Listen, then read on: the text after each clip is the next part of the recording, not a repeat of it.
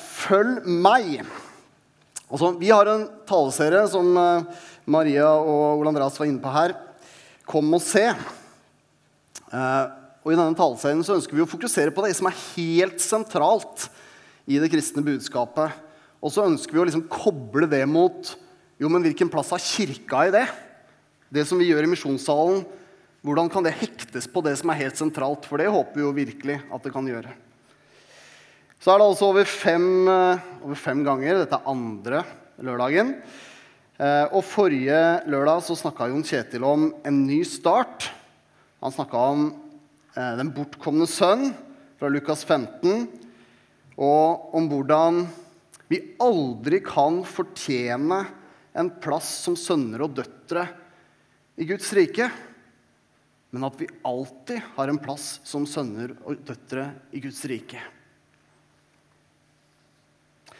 Gud han tar ikke bare imot oss med åpne armer. Han kommer løpende mot oss og slenger seg om halsen på oss. Ja. I dag er temaet 'Følg meg', og vi skal lese noen tekster. Skal vi se En gang Jesus gikk langs Galileasjøen, fikk han se to brødre, Simon, som kalles Peter, og hans bror Andreas. De var i ferd med å kaste not i sjøen, for de var fiskere. Han sa til dem, 'Kom, følg meg, så vil jeg gjøre dere til menneskefiskere.' Straks lot de garnet ligge og fulgte ham. 'Kom, følg meg, så vil jeg gjøre dere til menneskefiskere.' Og så gikk de. Så går vi til Matteus 9. Derfra gikk Jesus videre og fikk se en mann som satt på tollboden. Han het Matteus. Jesus sa til ham, 'Følg meg.' Og han reiste seg og fulgte ham.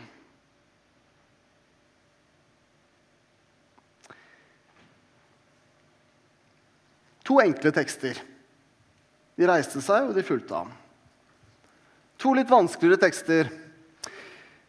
Dette er den unge, rike mannen som kommer til Jesus og lurer på hva mer han kan gjøre for å leve sånn som ja, Skriftene fortalte han, eller sånn som Jesus fortalte han. Jesus sa til ham, 'Vil du være helhjertet, gå da bort og selg det du eier, og gi det til de fattige.' 'Da skal du få en skatt i himmelen.' 'Kom så, og følg meg.' Men da den unge mannen hørte det, gikk han bedrøvet bort, for han eide mye. Ja, litt vanskeligere.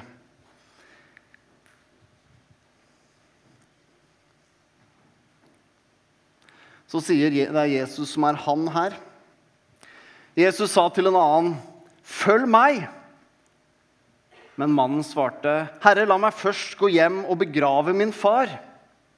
Da sa Jesus til ham, 'La de døde skal vi se, bare, videre der, okay? begrave sine døde, men gå du av sted og forkynn Guds rike.'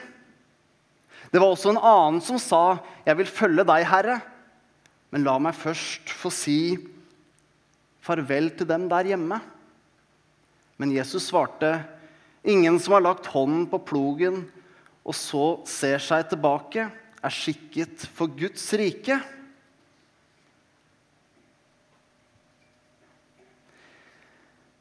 Fire 'følg meg'-tekster. To ganske enkle først. Vi forstår liksom greia. Han sier 'følg meg', og så gjør de det. Og så to litt vanskeligere etterpå.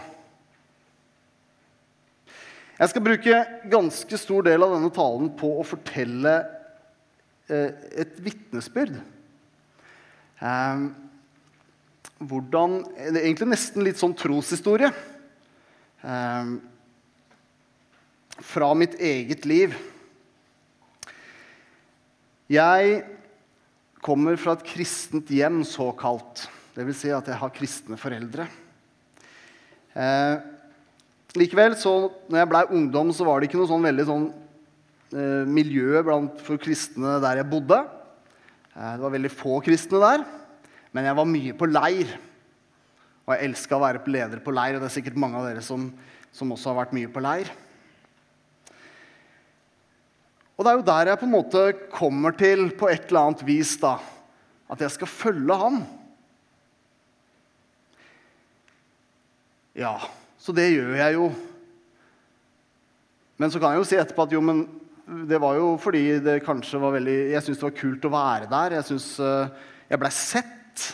Uh, jeg syns at uh, folk var hyggelige mot meg. det var noen jenter kanskje som jeg likte. Kanskje én jente spesielt som jeg likte. Ja Men det var 'følg meg', og det var et ja der. Så blei det etter hvert mindre leir. Og det blei studier litt sånn forskjellige steder i Norge. Og det blei mindre Det blei ikke noe menighet. Og det blei ikke noe leir etter hvert.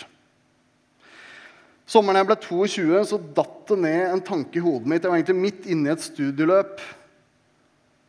Og jeg hadde egentlig bestemt meg for, altså jeg hadde gått et år på folkehøyskole, sånn at uh, jeg kunne liksom ikke ta ett år til hvor jeg ikke studerte eller jobba.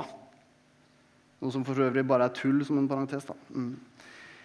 Um, men så datt det ned i hodet mitt at nå skal du gå på bibelskole.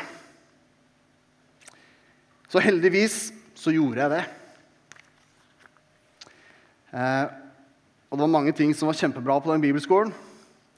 Uh, men en av de var at jeg fikk dra på en studietur til Mali. Uh, Mali ligger i Vest-Afrika.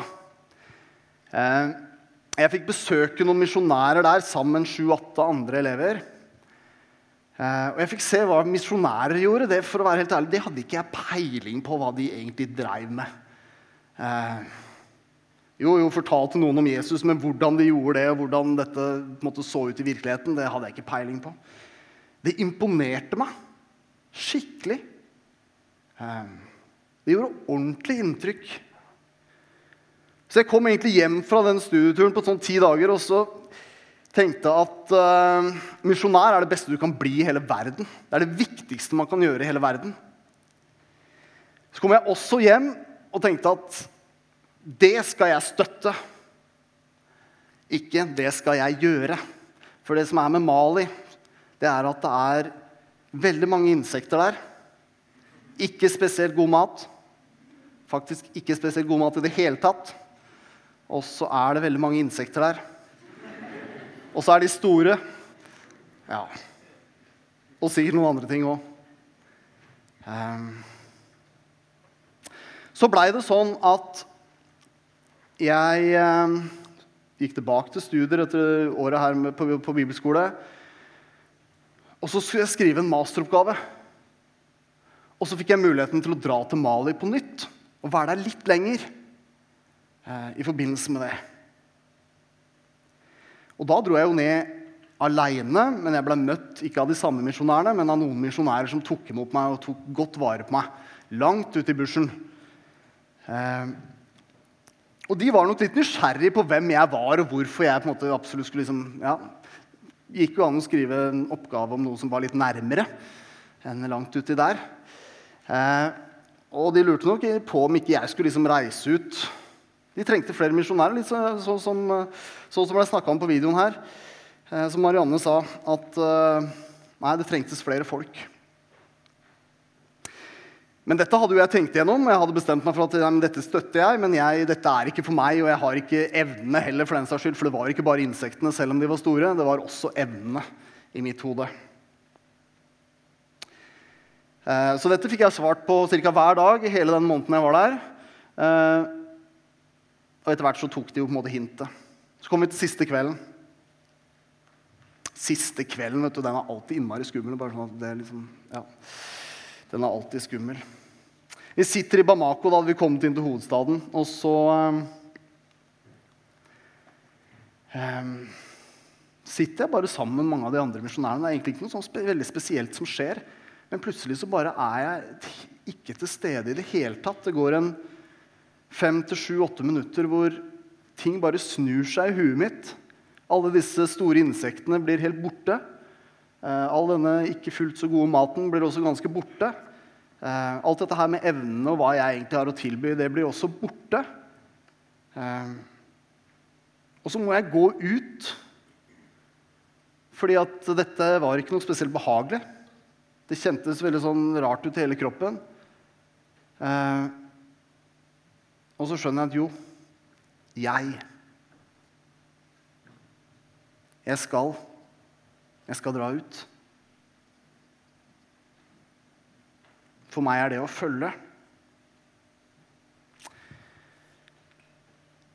Så kommer jeg hjem. Og så skjer det liksom ikke noe. Det er liksom ikke noe som naturlig liksom faller ned på veien foran meg som gjør at jeg, nå, nå gjør jeg dette. Det går et år. Så ringer det en fra Østfold. Jeg er ikke fra Østfold. og Det er veldig fint i Østfold. så det er tallet som er derfra, ja. Um, men det ringer en fra Sarpsborg, liksom. Ja. Uh, um, og lurer på om jeg ikke skal begynne å jobbe i Akta barn og unge i Nordmisjon. Der nede. Og jeg svarer jo nei, for det har jo ingenting med det greiene i Mali og det, det henger ikke sammen for meg. Men jeg, jeg kjenner han litt, da, så han, han, måtte få lov til å forklare seg. Så forklarer han i ti minutter. Kommer jeg fram, og så møter jeg en kompis. Jeg satt i bilen, ja, sorry, jeg satt i bilen, og så kom jeg fram dit jeg skulle, og så møtte jeg en annen kompis. Eh, så forteller jeg dette til han, og så sier han Nei, men du har jo allerede bestemt deg, Ole Martin.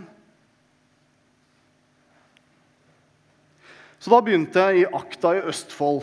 Eh, relativt mye mindre eksotisk enn eh, Osebijania i Mali, men likevel. Dette med evnene var jo ikke nødvendigvis på plass, selv om jeg på en måte hadde funnet ut at dette skulle jeg gjøre. Eller opplevde at jeg hadde fått beskjed om at dette skulle jeg gjøre. Så jeg fikk lære en, ting, en del ting det første året. Jeg hadde ikke peiling hva Akta drev med i Østfold. Eh, og hvordan jeg skulle bidra til det. Men jeg fikk lære noe om at det faktisk er sånn at Jesus kommer med alt, og at jeg ikke trenger å komme med noe som helst. Og så funker det. Og så fikk jeg også, Det, det tok litt tid, da, for dette med Mali det satt ganske, og det sitter nok fortsatt ganske sånn dypt i meg. Uh, men jeg tror likevel at jeg har fått lære noe i forhold til noe om kall. Hva det er å følge. Eh, fordi Jo, det går an. Noen ytterst få ganger tror jeg at mennesker får et kall til å gjøre akkurat noen veldig spesifikke ting. Men for det meste så tror jeg ikke det er det, det som skjer. Det er et kall om å følge Jesus. Så kanskje det ser litt annerledes ut enn du i første liksom, omgang oppfatter. Eh, og I hvert fall var det sånn for meg. Og jeg kan fortsatt bli liksom lei meg når jeg forteller dette her og sier det her, fordi at jeg skulle gjerne dratt dit. Um, ja Så leste vi noen tekster når vi begynte.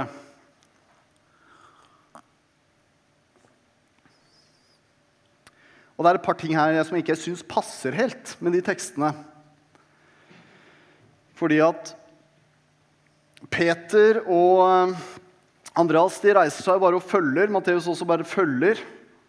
Mens for meg så føles det ut som det har gått mye mer gradvis. Og så har det ikke gått sånn. Det har gått sånn og sånn og ja, et eller annet sånt. Fra jeg sa at jeg ville følge hvordan kan det henge sammen? Jo, det henger sammen Dere husker, dere som var her forrige lørdag eh, Det henger sammen fordi det er jo ikke mine prestasjoner. Det er jo ikke hvordan jeg innfrir budene eller Ikke sant? Det er jo ikke det som gjør at jeg kan følge Nei, det veit vi jo. Og hvis vi, liksom, hvis vi, hadde lest litt imellom alle disse versene, som vi leste i stad, så hadde vi jo lest også om disiplene sin vingling underveis her. Um. Og da er vi liksom inne i litt sånn paradoks, da, som også disse fire tekstene viser. At jo, men for det Jo da, på den ene siden så er det sånn at det derre første ja-et Det første 'ja, jeg vil følge deg, Jesus' det holder. Og så på den annen side så er det På den annen side så har vi en litt sånn ærgjerrig Gud. En Gud som ikke vil at denne mannen skulle gå og begrave faren sin og bruke tid på de døde når han kunne drive med noe mye viktigere. Litt sånn Ja. Så på den ene siden liksom ja, det første Jeg sier ja, jeg følger. Men så er det også en sånn daglig greie. Ja, jeg vil følge. I dag igjen vender jeg meg mot deg, Gud. Vil følge deg, Jesus. Så det er liksom begge deler.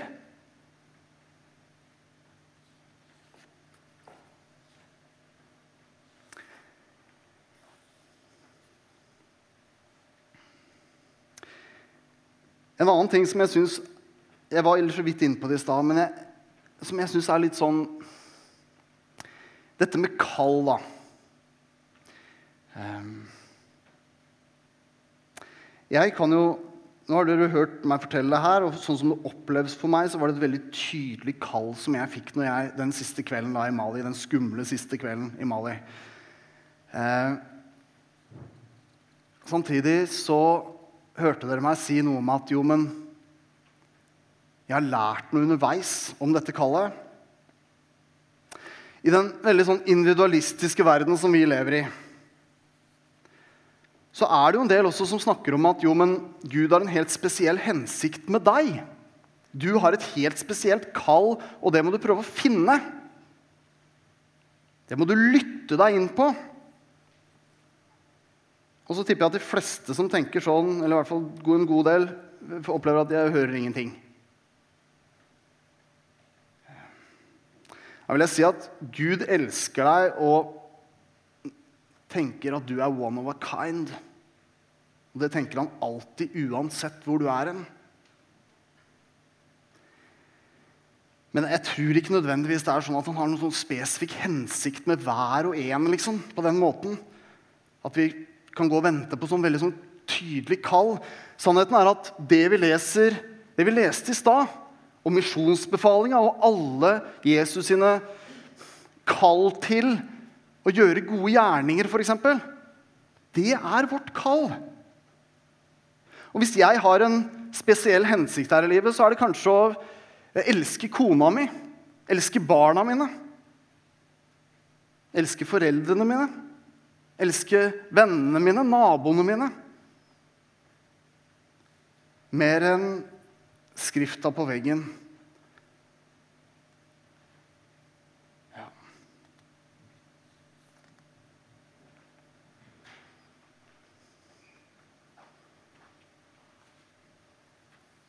Vi skal vende tilbake til disse tekstene. Vi skal lese en tekst til. Eh, de andre, de fire første versene, de, eh, eller fire første tekststedene, de, eh, de er jo henta fra når Jesus går rundt i Galilea. ikke sant? Mens dette siste det er jo henta fra Johannes 21, altså etter at Jesus har stått opp igjen. Eh, og det er når Jesus møter Peter og resten av disiplene på stranda ved Tiberias sjøen. og det er denne seansen ikke sant, hvor hvor Peter jo har for så vidt også de andre disiplene, men Peter har svikta Jesus. Han har fornekta han tre ganger. Eh, og så møtes de igjen. Og Jesus sier, 'Simon, sønn av Johannes, elsker du meg mer enn disse?' Og Peter svarer, 'Ja, Herre, du vet at jeg har deg kjær.' Og Jesus sier, 'Før lammene mine'. Men så sier han det en gang til. 'Simon, sønn av Johannes, elsker du meg?' 'Ja, Herre, jeg veit. Du veit jeg har deg kjær', svarte Peter, kanskje mer og mer fortvila. Og Jesus sier, 'Vær gjeter for sauene mine'. Og så enda en gang så sier Jesus, 'Simon, sønn av Johannes', 'Har du meg kjær?' Og Det står at Peter ble bedrøvet over at Jesus for tredje gang spurte ham om han hadde han kjær. Og han sa, 'Herre, du vet alt. Du vet at jeg har deg kjær.' Og Jesus sier til ham, 'Fø sauene mine'. Og så sier han noe om hva slags død Peter skal ære Gud med, og så sier han Eller så står det Da han hadde sagt dette, sa han til Peter, 'Følg meg'. Skal vi se om vi får opp den. Kanskje ikke. Helt til slutt. Der, vet du. Det avslutter han med. 'Følg meg'. Jesus bygger sin, bygger sin kirke, sin menighet, på Peter. Og når de er ferdig med denne seansen 'Elsker du meg?' og det greiene der, så kommer ikke da Jesus med en lang sånn liste over 'husk dette' når vi nå skal liksom gå videre etterpå seinere. Uh, nei, han sier 'følg meg'. Så til Peter er jo det på en måte det Jeg vet at misjonsbefalingen kommer etterpå. Han sikkert snakka med Peter også etterpå, men likevel. I Bibelen så er det sånn direkte til Peter så er det 'følg meg'. Det er liksom først. Og det er sist. Det er der vi er. Og så vet jo dere som i hvert fall uh, har gått her en del, at jeg er veldig opptatt av sendekultur, og at vi er sendt, og misjonsbefalinga og Ikke sant? Jo da. Men alt starter i etterfølgelse, med å følge Han. Jesus kom med alt. Jeg kom med ingenting. Hvilken frihet er det ikke det? da? Og når vi følger ham, ja, da kan vi bli sendt både hit og dit. Det blir disiplene òg. Både for å fortelle om Jesus, men også for å gjøre godt mot mennesker.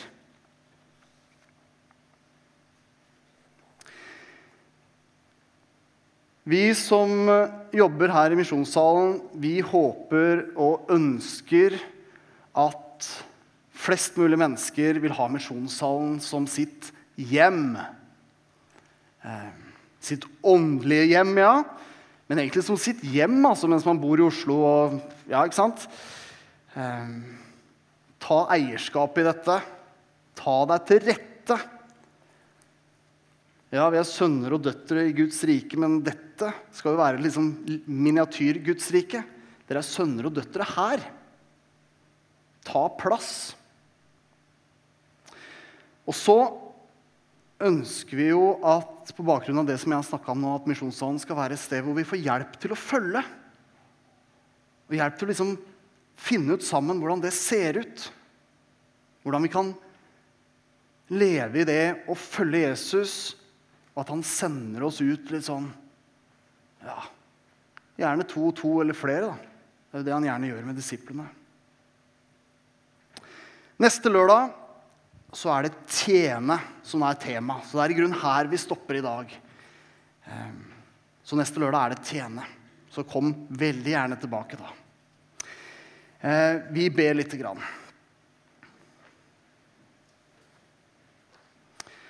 Takk, kjære Jesus, for at du sier 'følg meg'. Takk for at du sier det først, og takk for at du sier det sist. Takk for at det er det det handler om. Ikke at jeg skal ha evner, ikke at jeg skal uh, egentlig komme spesielt mye. At jeg kan få følge etter deg. Hjelp meg å gjøre det. Hjelp oss som har masse ting vi gjør i, i livet våre knytta til eh, misjonssalen eller andre steder med kristen virksomhet. Hjelp oss å gjøre det. Følge deg. Ikke drive og løpe foran eller drive og skulle gjøre masse egen kraft eller Hjelp oss å følge deg.